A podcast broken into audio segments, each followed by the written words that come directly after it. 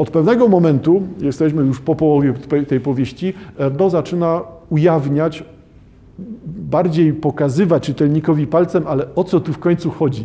Po co te całe listy, te wydarzenia, postacie, przedmioty? Ponieważ w swojej nowo odnalezionej samotności odkrywa nagle myśli i wrażenia zagłuszone dotąd przez życie w małżeństwie, zrezygnowała z męża, dzieci już są na swoim, można zająć się swoim życiem. Wrażenia zagłuszane dotąd przez życie w małżeństwie, przychodzi jej do głowy, żeby napisać coś w rodzaju opowieści o kobiecym losie. I to się pojawia tutaj zaznaczone jako cytat jako metafora swoistego rodzaju, jakby to był obcy sąd, no ale rzeczywiście to zaczyna pokazywać coś jeszcze, czego ja do tej pory nie nazwałem. Ja wspominałem o tym, że to jest jednak feministyczne. Nie feministyczne w sensie atakującym, tylko feministyczne w sensie świadomości kobiecego sposobu myślenia, kobiecych losów, o kolei życia kobiety. I to jest chyba najbliższe tutaj. Coś w rodzaju opowieści o kobiecym losie, od roku 40 do 85, jakby historię pewnego życia Maupassanta, e, pozwalającą odczuć przepływ czasu w niej i poza nią. W historii powieść totalną, która kończyłaby się utratą ludzi i rzeczy, rodziców męża opuszczających dom dzieci, sprzedanych mebli. Obawia się jednak zagubić w różnorodności przedmiotów, które trzeba by opisać jak mogłaby zorganizować tę skumulowaną pamięć wielkich i codziennych wydarzeń, tysięcy dni prowadzących do dnia dzisiejszego. I to jest ten moment, Werno, gdzie widać, no teraz Wam powiem, o co tu technicznie chodziło. Dlaczego ta powieść jest tak uformowana w postaci tych katalogów, list, wyliczeń, faktografii, historii. Jak zorganizować skumulowaną pamięć wielkich, codziennych zdarzeń, tysięcy dni prowadzących do dnia dzisiejszego. Czy to się w ogóle da zapisać? I podejrzewam, że takie właśnie podejście do literatury to jest ten główny napęd e, Nobla. Dlatego, że, no cóż, lalka jest opowieścią o bardzo krótkim odcinku czasu, lalka Bolesława Prusa, a i tak ma trzy tomy, takiej drobiazgowości, opisu, jak to w końcu w tych latach 70. było w Warszawie ale trzy tomy. A w tym momencie jesteśmy na czymś, co jest 20 razy dłuższym czasem, e, no i ma takie przyzwoite rozmiary 230 stron. Jest całkiem inna technika, inna świadomość, ale też inny poziom syntetyczności bo takiej syntetyczności jak ta, ten zapis rzeczywistości w każdym zdaniu, w każdym zdaniu pojawia się kilka przedmiotów, faktów, postaci, no to takiego czegoś nie ma w Polsce. Jakby nie, ja przynajmniej nie jestem w stanie porównać tego stopnia not, notacji przedmiotów, który miałby się pojawiać gdzieś w polskiej literaturze realistycznej. No, tak z pamięci nie powiem, może kogoś obrażam, ale wydaje mi się, że jednak nie. Po prostu nie ma takich prób zmiany w, we Francji i zmiany, które będą już zmianami przynajmniej europejskimi, jak nie globalnymi. Zmarli Simone de Beauvoir i Jean Genet. Zdecydowanie nie lubiliśmy tego kwietnia. Ciągle jeszcze padał śnieg. Ani maja, choć wybuch reaktora w elektrowni jądrowej w Związku Radzieckim niespecjalnie nas przejął. Rosjanom nie udało się zatuszować tej katastrofy, którą, pomimo sympatii, jaką żywiliśmy do Gorbaczowa, trzeba było złożyć na karb ich niekompetencji i obojętności na losy ludzi, tak samo jak w przypadku Gułagu. Ale nas to nie obeszło. Pewnego dusznego czerwcowego popołudnia, wychodząc z matur pisemnych, licealiści dowiedzieli się, że Kolusz zabił się na motocyklu na spokojnej ulicy. Czyli mamy wydarzenia lokalne, które są ważniejsze od, od tych wydarzeń europejskich czy też globalnych. No ale są one odnotowywane. Nie wiem, czy w pamięci Polaków Czernobyl w ogóle jest jakimś momentem historycznym poza skojarzeniem z płynem Lugola.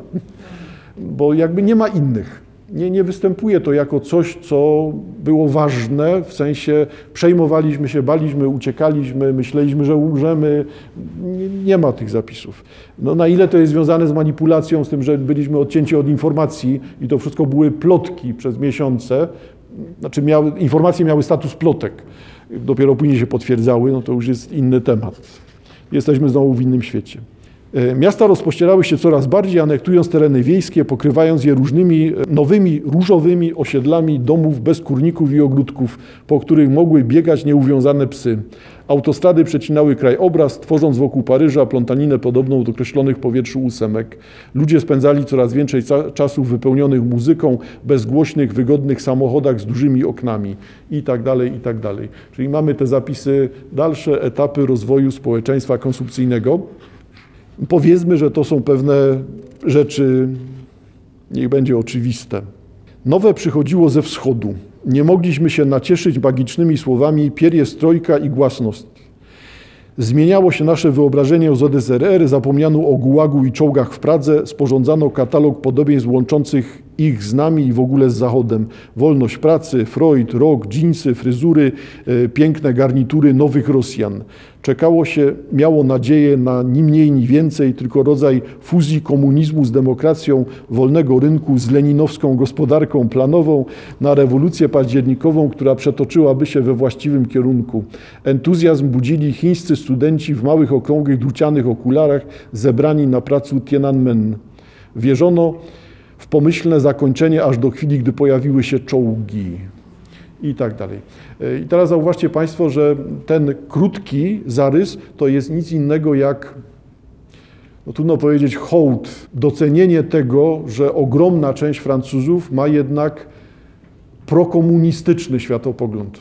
Bo dla nich komunizm to jest ten komunizm, który jest rozpoznany przez Sartra. Był, pojechał, zobaczył i tam jest cudownie, wspaniale, bogaci, szczęśliwi, uśmiechnięci ludzie chodzą, raj na ziemi. I to jest to, co funkcjonowało w wyobraźni francuskiej. I tu jest podejmowane, tylko od razu jest zanegowane. Tak? To, to wszystko jest przeszłością. To złudzenie o raju na ziemi ZSRR no jest czymś, co nas już rozczarowało. Już widać czołgi. Wieczorem 14 lipca 89, gdy pod koniec szarego od upału dnia oglądało się leżąc na kanapie kosmopolityczną defiladę, miało się wrażenie, że wszystkie wybuchające na całym świecie bunty i rewolucje, od, od tego w stoczni w Gdańsku, po ten na placu Tiananmen, to nasze dzieło. Ogarnialiśmy spojrzeniem ludy planety, walki dawne, obecne i przyszłe, wszystkie i zawsze zainspirowane, zainspirowane przez rewolucję francuską.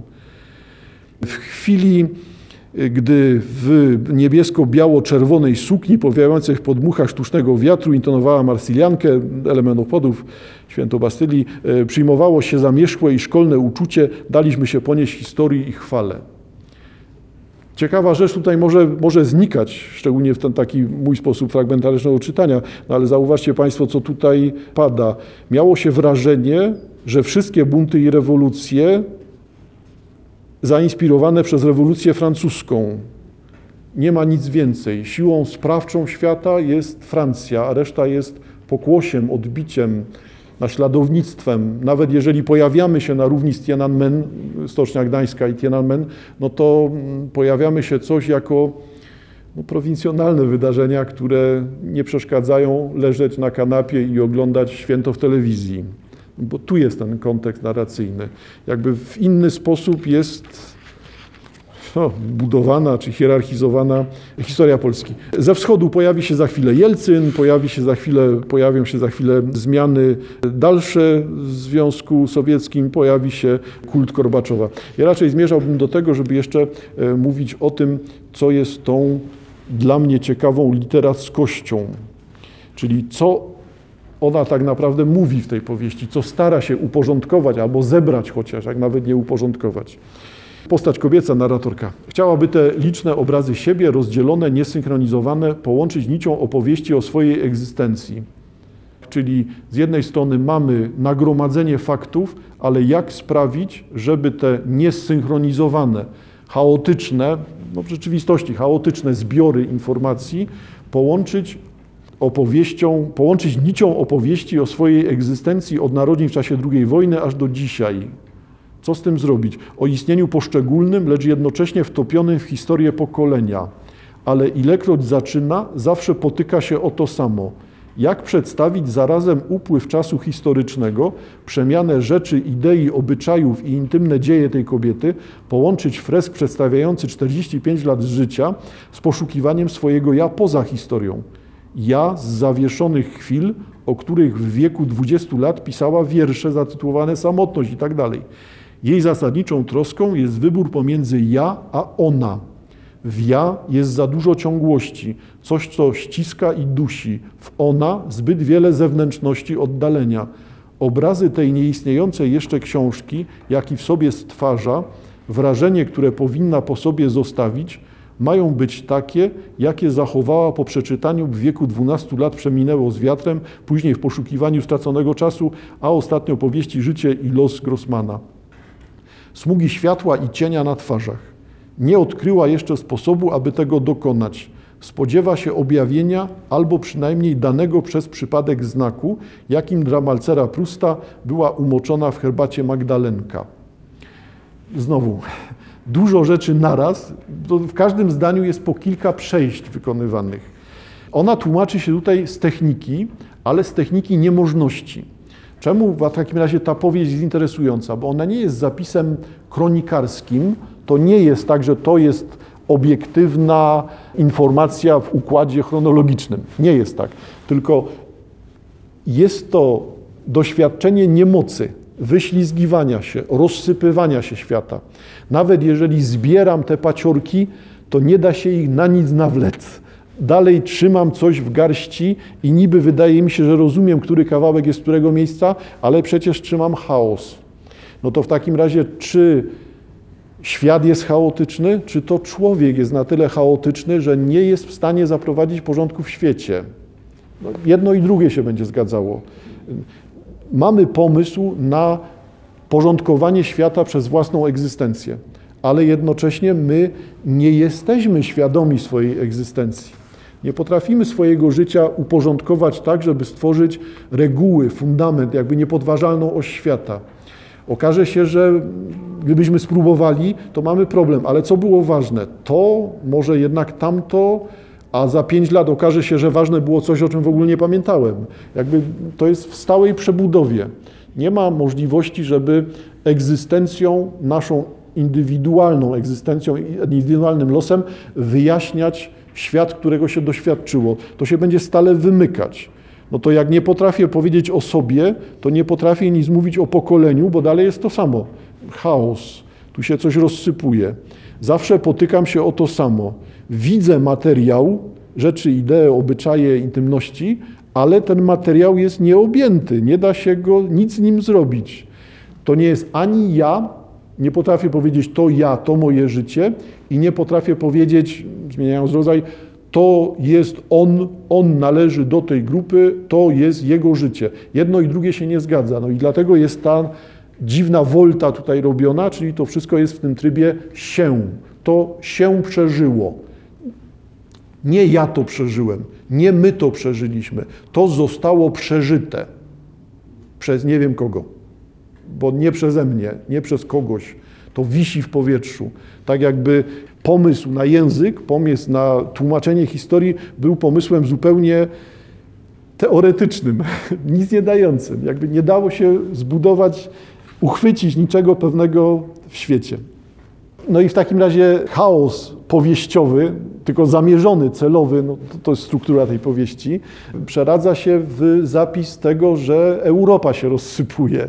No jesteśmy w końcu dalej przełom 80., 90. lat.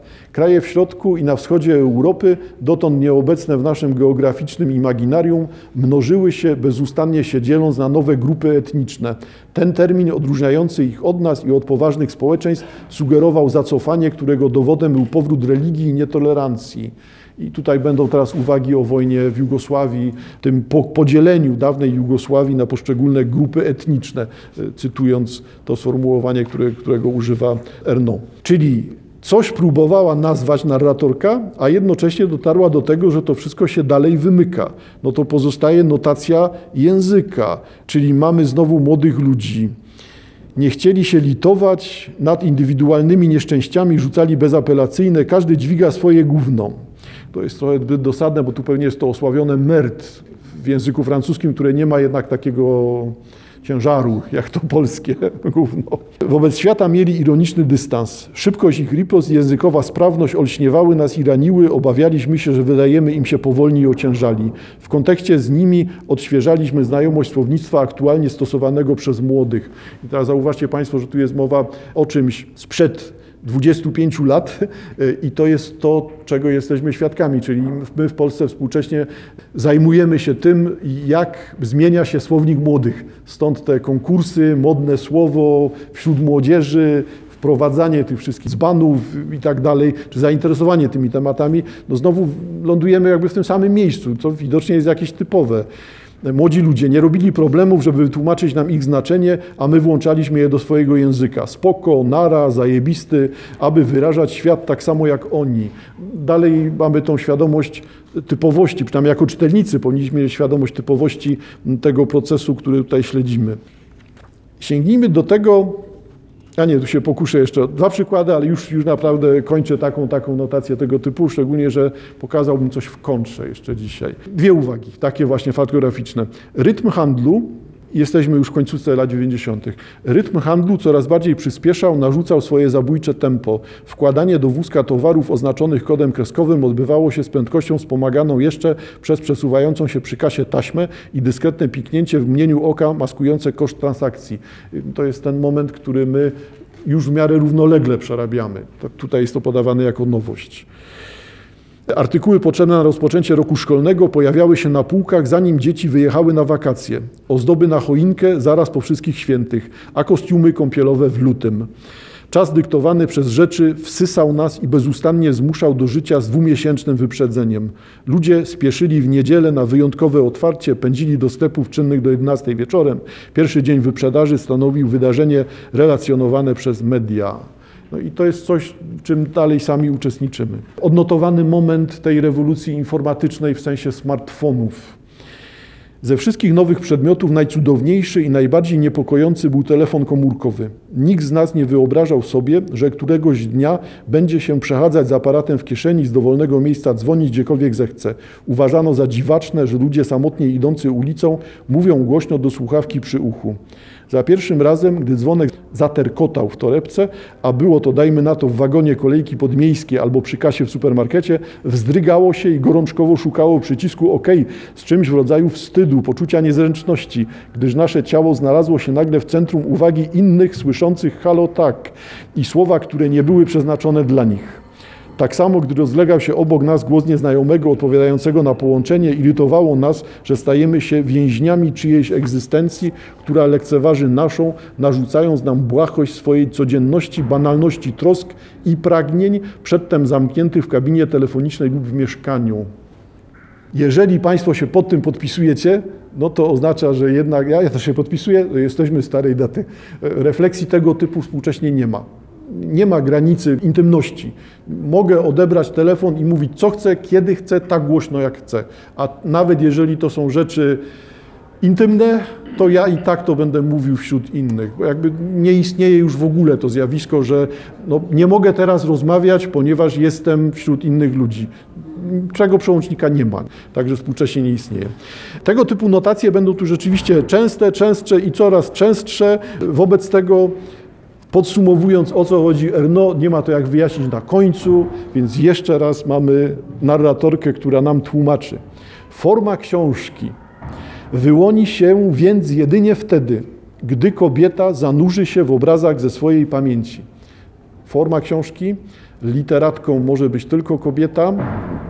To nie jest zarzut, tylko jakby stwierdzenie też pewnego trendu. Popatrzmy na to, jak to tam z tymi noblami jest. Dylan, ale potem już nie. Czyli kobieta, i ten kobiecy punkt widzenia jest bardzo istotny, istnie, zanurza się w obrazach ze swojej pamięci i to musi być ta pamięć kobieca, bo pamięć męska byłaby tylko pamięcią wojna, prezydent, premier, wojna. Podejrzewam, że tak to stereotypowo pewnie można ująć. Kobieta zanurza się w obrazach ze swojej, w obrazach ze swojej pamięci, by uchwycić specyficzne znaki epoki ustalić czas, w którym się sytuują i połączy je metodą przybliżeń z innymi. Spróbuje usłyszeć raz jeszcze słowa ludzi, komentarze o zdarzeniach i przedmiotach, masę kłębiących się dyskursów. cały ten zgiełk produkujący bez wętchnienia kolejne definicje tego, czym jesteśmy i czym powinniśmy być, co powinniśmy myśleć, w co wierzyć, czego się obawiać i na co mieć nadzieję. Tym, co świat wdrukował w nią i w jej współczesnych, posłuży się, aby odtworzyć czas wspólny, ten, który przesunął się od odległych chwil do dnia dzisiejszego, ażeby odnalazłszy w indywidualnych wspomnieniach pamięć zbiorowej pamięci, opisać przeżyty wymiar historii. Czyli tutaj jest ta uwaga, że można opisać historię, tylko ta historia musi być tym pomysłem, no teraz jakim? Kobiecym, intymnym, prywatnym, wyjątkowym. Y, historia jest tylko dla jednej osoby, nie ma historii powszechnej, jakkolwiek to ugryźć. Robię coś, czego, czego nie powinienem robić, bo nie mam żadnych podstaw, żeby to zrobić. Tylko. Co było dla mnie w czytaniu Erno ciekawe? No ten frankoncentryzm mówiłem, to tam, jak widzą historię Polski też zwróciłem uwagę, no, ale nie spodziewajmy się nic innego. To, no, Francja historycznie no, jest mocarstwowym państwem. No jednak ogromna część tych wszystkich kolonii i innych kontynentów była francuska. Odkładamy i pewnie jest w dużej mierze. To nie, nie o to chodzi. Wobec tego, co mnie uderzało? Uderzało mnie to, że nasze podejście do historii, nasze, rozumiem, polskie, jakby zakorzenione w naszej przeszłości, jest podejściem, które na takie wypowiedzi jak URNO nie pozwala. Chyba nie będziemy mieć takich powieści, dlatego że nie mamy też takiej historii. Co było ciekawe u Erno? Ona opisuje coś, co jest codziennością, codziennością całkowicie przewidywalną. Nawet jeżeli narzekamy na prezydenta, czy to De Gaulle'a, czy tam Chiraca, czy na zmiany, jak się tam chłopaki pobiją i kto w końcu rządzi Francją, to wszyscy ich potrafią zlekceważyć. To tak naprawdę nic złego się nie dzieje. To się tam powadzą, a i tak będzie dobrze. To nie cytuję teraz, tylko jakby tłumaczę punkt widzenia. Czyli ona jest przekonana o tym, że niech na całym świecie wojna, byle francuska wieś spokojna. No bo to się będzie u niej zawsze sprawdzało. Przyzwyczajona jest widocznie do tego. Możemy ponarzekać, jesteśmy bogaci, biedniejsi, zaangażowani, niezaangażowani, ale świat jest czymś pewnym. Świat nie obróci się przeciwko nam. Nie, nie zdradzi nas ta rzeczywistość, nawet jak my jej nie potrafimy nazwać. To świat nie będzie wobec nas okrutny. No i teraz, jak czytamy zapisy dotyczące historii lat 70., 80., wyjmę tylko to URNO, to jak brzmi ten, ta opowieść o bogatej rzeczywistości, bogatej w postacie, przedmioty, w zestawieniu z czymś, co jest opowieścią o rzeczywistości napisaną inaczej, tylko ten, to inaczej napisane, ta inaczej napisana opowieść jest opowieścią, nie wiem czy nie trafniej przemawiającą do Polaków, ale na ile ja teraz będę mówił o kuli u nogi, na ile będę zwracał uwagę na coś, co jest garbem, fatum, przekleństwem, nie wiem. Bo nie, nie wiem, jak to oceniać. Czy jednak należałoby rozumieć polski sposób myślenia o historii i jego genetyczne uwarunkowania, a na ile byłoby lepiej oddać głos temu młodemu pokoleniu, a tam, stan wojenny, pewnie to gdzieś tam u Kościuszki było. Nie? I na ile to nie jest normalniejsze, na ile tego jednak nie akceptować, tego oderwania się od historii, która dla Polaków jest historią nieprzyjemną, mówiąc delikatnie. To narracja z polskiego punktu widzenia o tym samym okresie. Zbyt stary, żeby nosić broń i walczyć jak inni, wyznaczono mi z łaski pośrednią rolę kronikarza. Zapisuję nie wiadomo dla kogo dzieje oblężenia. Mam być dokładny, lecz nie wiem, kiedy zaczął się najazd. Przed 200 laty, w grudniu, we wrześniu, może wczoraj o świcie. Wszyscy chorują tutaj na zanik poczucia czasu. Pozostało nam tylko miejsce, przywiązanie do miejsca. Jeszcze dzierżymy ruiny świątyń, widma ogrodów i domów. Jeśli stracimy ruiny, nie pozostanie nic. Piszę tak, jak potrafię, w rytmie nieskończonych tygodni. Poniedziałek, magazyny puste, jednostką obiegową stał się szczur. Wtorek, burmistrz zamordowany przez niewiadomych sprawców. Środa, rozmowy o zawieszeniu broni, nieprzyjaciel internował posłów. Nie znamy ich miejsca pobytu, to znaczy miejsca kaźni. Czwartek po burzliwym zebraniu odrzucono większością głosów wniosek kupców korzennych o bezwarunkowej kapitulacji. Piątek, początek dżumy, sobota, popełnił samobójstwo NN, niezłomny obrońca. Niedziela, nie ma wody, odparliśmy szturm przy bramie wschodniej zwanej Bramą Przymierza. Wiem, monotonne to wszystko, nikogo nie zdoła poruszyć. Unikam komentarzy, emocje trzymam w karbach, piszę o faktach. Podobno tylko one cenione są na obcych rynkach. Ale z niejaką dumą pragnę donieść światu, że wyhodowaliśmy dzięki wojnie nową odmianę dzieci. Nasze dzieci nie lubią bajek, bawią się w zabijanie na jawie i we śnie marzą o zupie, chlebie i kości, zupełnie jak psy i koty. Wieczorem lubię wędrować po rubieżach miasta, wzdłuż granic naszej niepewnej wolności. Patrzę z góry na mrowie wojsk, ich światła, słucham hałasu bębnów barbarzyńskich wrzasków. Doprawdy niepojęte, że miasto jeszcze się broni. Oblężenie trwa długo, wrogowie muszą się zmieniać. Nic ich nie łączy poza pragnieniem naszej zagłady. Godzi, Goci, Tatarzy, Szwedzi, chówce cesarza, pułki przemienienia pańskiego. Kto ich policzy? Kolory sztandarów zmieniają się jak glas na horyzoncie, od delikatnej ptasiej żółci na wiosnę, przez zieleń, czerwień do zimowej czerni. Wtedy wieczorem, uwolniony od faktów, mogę pomyśleć o sprawach dawnych, dalekich, na przykład o naszych sprzymierzeńcach za morzem. Wiem, współczują szczerze. Ślą mąkę, worki otuchy, tłuszcz i dobre rady.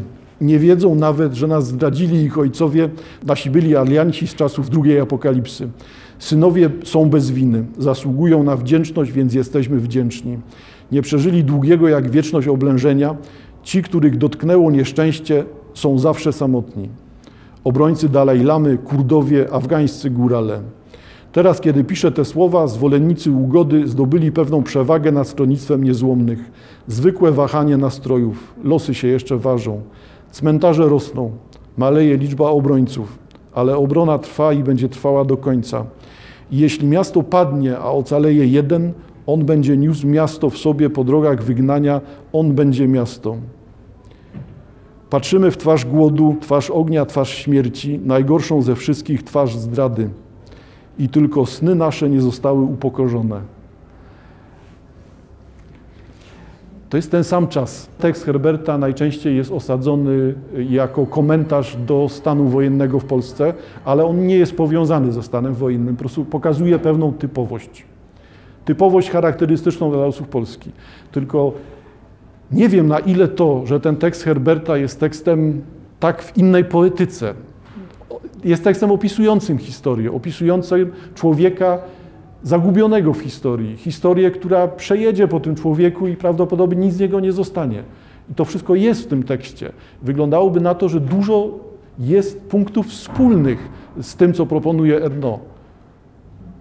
Tylko to jest tak, jakbyśmy byli rzeczywiście nie? z Marsa i z Wenus po prostu. Tutaj nie ma porozumienia, nie da się. Można z uśmiechem traktować to, jak ona pisze o wydarzeniach w Polsce, bo po, po czegoś innego oczekiwać. Ale ten mur był tak wysoki, że tego nie da się nadrobić. Jakby my podążamy teraz za Europą, czy niech będzie za Francją i staramy się coś złapać, ale nie mamy, rezygnujemy ze swojej przeszłości, nie jesteśmy w stanie zaakceptować przeszłości Francji, no bo jakim cudem, to jest egzotyka dla nas, wobec tego nagle lądujemy rzeczywiście z niczym. Jakoś strasznie przykre mam takie wrażenie, że, że ta współczesna to współczesne zaniedbanie, zapomnienie, jakkolwiek to nazwać, przez to młode pokolenie o, o, specyfice, o polskości. Przy czym jeszcze raz, ja nie jestem w żaden sposób prawicowcem, historykiem i będziemy tu ten nowy podręcznik wdrażać. No nie, nie absolutnie nie. Ale ja czuję ciężar tych tekstów. Erno, nawet jeżeli chce pisać o ciężarze, to pisze o błahości. I z tego możemy mieć wnioski, bo życie jest błahe, bo wszystko umyka ale dlaczego jak się czyta Herberta, to się czuje ciężar, czuje się, że jest to inna półka. To jest też pisanie o historii, ale pisanie przez z innego punktu widzenia, przez inną osobę. Ja podejrzewam, że to jest jakby nieakceptowalne też. Mi się wydaje, że gdyby czytać tak Herberta współcześnie w Europie, to on nie przejdzie, będzie zaraz klasyfikowany, że to na pewno jest jakiś tam wzywający do tradycji, umierajmy za kościoły i tak dalej. No, chociaż tego nie ma u Herberta nigdzie. No ale będzie pewnie tak, tak odbierany. Nie potrafię natomiast porównać tego językowo. Różnica zasadnicza polega na tym, ja przeczytałem Herberta pisanego w polszczyźnie. Powstał zapisany został w polszczyźnie. Tutaj e, może mi ginąć coś, co jest zatarte przez tłumaczenie. Nie nadążę za tym, co jest propozycją francuskojęzyczną.